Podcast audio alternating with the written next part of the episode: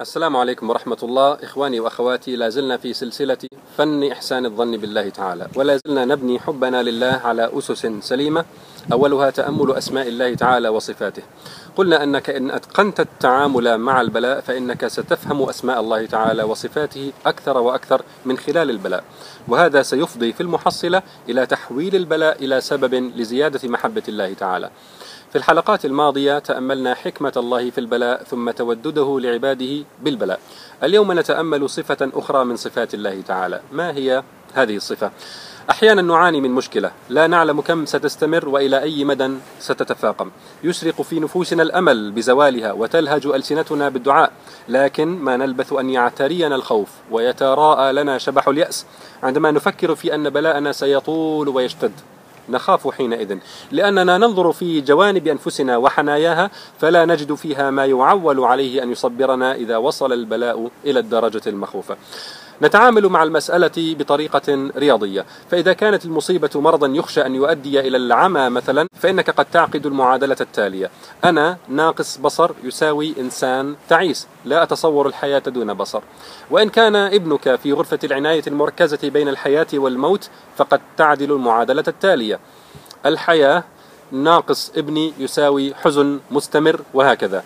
إننا ننسى في معادلاتنا هذه عنصرا مهما جدا وهو أن الصبر لن ينبع من جوانب نفسك الضعيفة وحناياها عند حلول المصيبة أو اشتدادها. إنما الصبر ينزل من عند الله تعالى المعين لمن استعان به.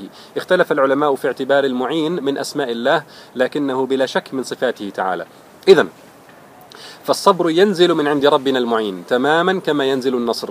ينزل الصبر من عند الله لينصرك في معركتك ضد اليأس والحزن. و إن ينصركم الله فلا غالب لكم. لاحظ كما أن الله تعالى قال وما النصر إلا من عند الله؟ فقد قال أيضا واصبر وما صبرك إلا بالله. فتركيب الكلمات متشابه.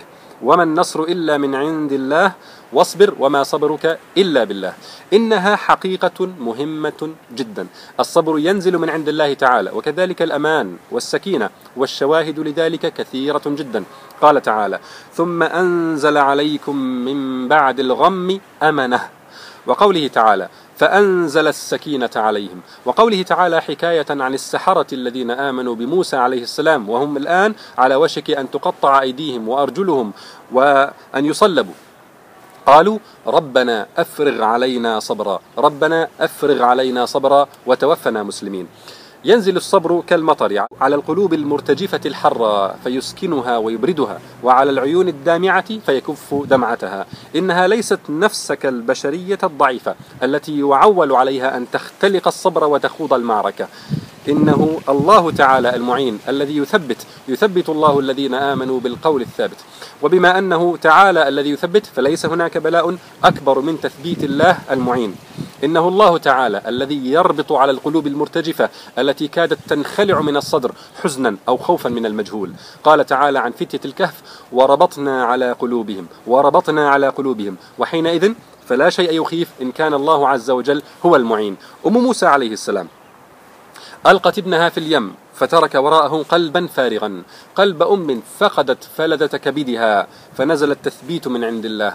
وأصبح فؤاد أم موسى فارغا إن كادت لتبدي به لولا أن ربطنا على قلبها لتكون من المؤمنين.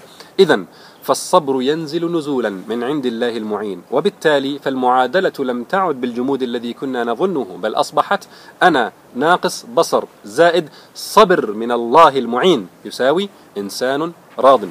الحياة ناقص ابني زائد سكينة من الله المعين يساوي رضا واحتساب وانطلاقة جديدة. أخي لسنا من الملاحدة الذين لا يؤمنون إلا بالظواهر المادية بل نحن نؤمن أن الله تعالى معنا. ألسنا نقرأ في صلاتنا يوميا سبعة عشر مرة على الأقل إياك نعبد وإياك نستعين. هل خطر ببالك وأنت مبتلا أن تتأمل هذه الآية؟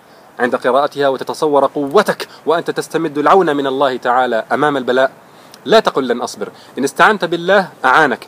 انظر إلى قول الله سبحانه وتعالى. قال رب احكم بالحق وربنا الرحمن المستعان على ما تصفون. وانظر إلى ما حكاه عن يعقوب عليه السلام. والله المستعان على ما تصفون. وقال النبي صلى الله عليه وسلم وإذا استعنت فاستعن بالله. نحن نستعين بالله المعين. لا تقل لن أصبر. لا بلاء أكبر من إعانة المعين إن استعنت به بصدق. تذكر أهل الأخدود وسحرة فرعون وماشطة ابنته. كيف نزل عليهم صبر عظيم مقابل بلائهم الشديد بمجرد أن خالط الإيمان قلوبهم. فطابت نفوسهم بالتضحية في سبيل الله مع أنهم عاشوا حياتهم قبل ذلك مشركين سنوات طويلة. فالذي صبرهم قادر على أن يصبرك أنت إذا لجأت إليه. لا تقل لن أصبر. فكل ما عليك فعله هو أن تستعين بربك الرحمن المستعان. قال عليه الصلاة والسلام في الحديث الذي رواه مسلم ومن يتصبر يصبره الله ومن يتصبر يصبره الله. لا تقل لن أصبر بل إن استعنت بالله فسينزل عليك الصبر بالمقدار المناسب ليطمئن قلبك مهما كان حجم البلاء.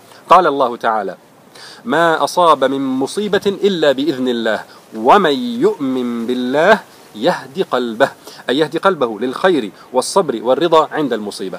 لا تقل لن أصبر بل انظر إلى هذا الحديث العظيم الذي يلخص حلقتنا. قال رسول الله صلى الله عليه وسلم في الحديث الذي صححه الألباني إن المعونة تأتي من الله على قدر المؤونة وإن الصبر يأتي من الله على قدر المصيبة. إن المعونة تأتي من الله على قدر المؤونة على قدر التكليف. وإن الصبر يأتي من الله لاحظوا يأتي الصبر من الله تعالى المعين ليس من جوانب نفسك الضعيفة. وإن الصبر يأتي من الله وبأي مقدار؟ على قدر المصيبة بالمقدار المناسب. خلاصة الحلقة. كل ما عليك فعله هو أن تتبرأ من حولك وقوتك وتوقن أن ما لك إلا الله. فتستعين بالمعين وتصلح علاقتك به لتكسب معيته. وحينئذ فلا بلاء أكبر من إعانة المعين. والله تعالى أعلم. وإلى لقاء في الحلقة القادمة. والسلام عليكم ورحمة الله.